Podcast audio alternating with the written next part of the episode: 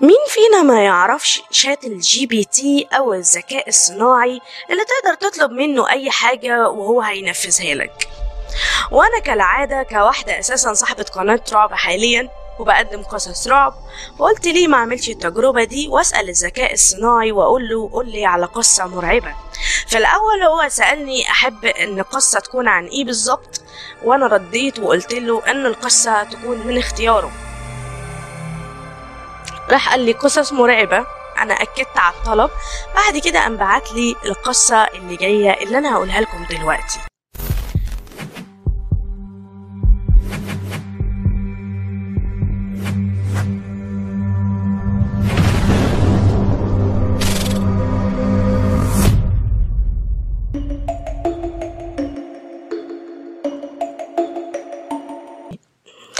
إنه في بيت في الغابة كان مهجور.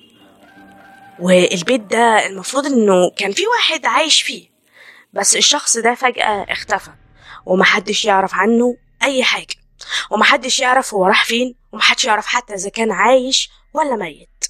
والبيت طبعا باين إن هو مهمل وزيه زي أي بيت مهجور طلع عليه أشاعات شائعات إنه البيت ده اللي بيدخله ما بيطلعش منه ده زائد إنه بيصدر منه أصوات غريبة ومحدش يعرف إيه اللي جواه بالظبط.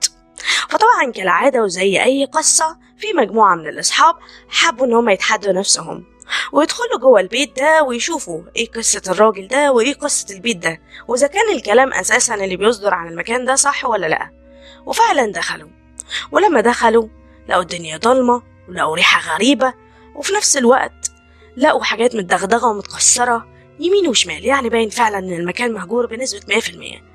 إلا إنهم شوية كده وسمعوا صوت أدوات بتتحرك وأصوات غريبة عمالة تصدر ومحدش عارف إيه اللي جوه المكان.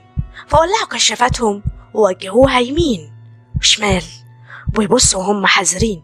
دقات قلبهم عالية جدا وخايفين جدا لحد ما فجأة لقوا راجل شكله غريب عينيه مخيفة جدا وعامل زي ما يكون بيبص عليهم.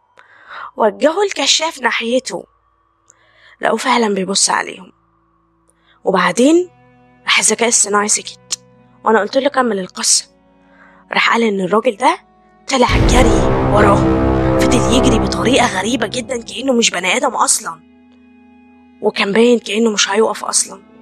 ولما جم جري عشان يطلعوا من الباب لقوا الباب مش موجود. لحد ما بالصدفة من حسن حظهم لقوا شباك. كسر الشباك وطلعوا من الشباك.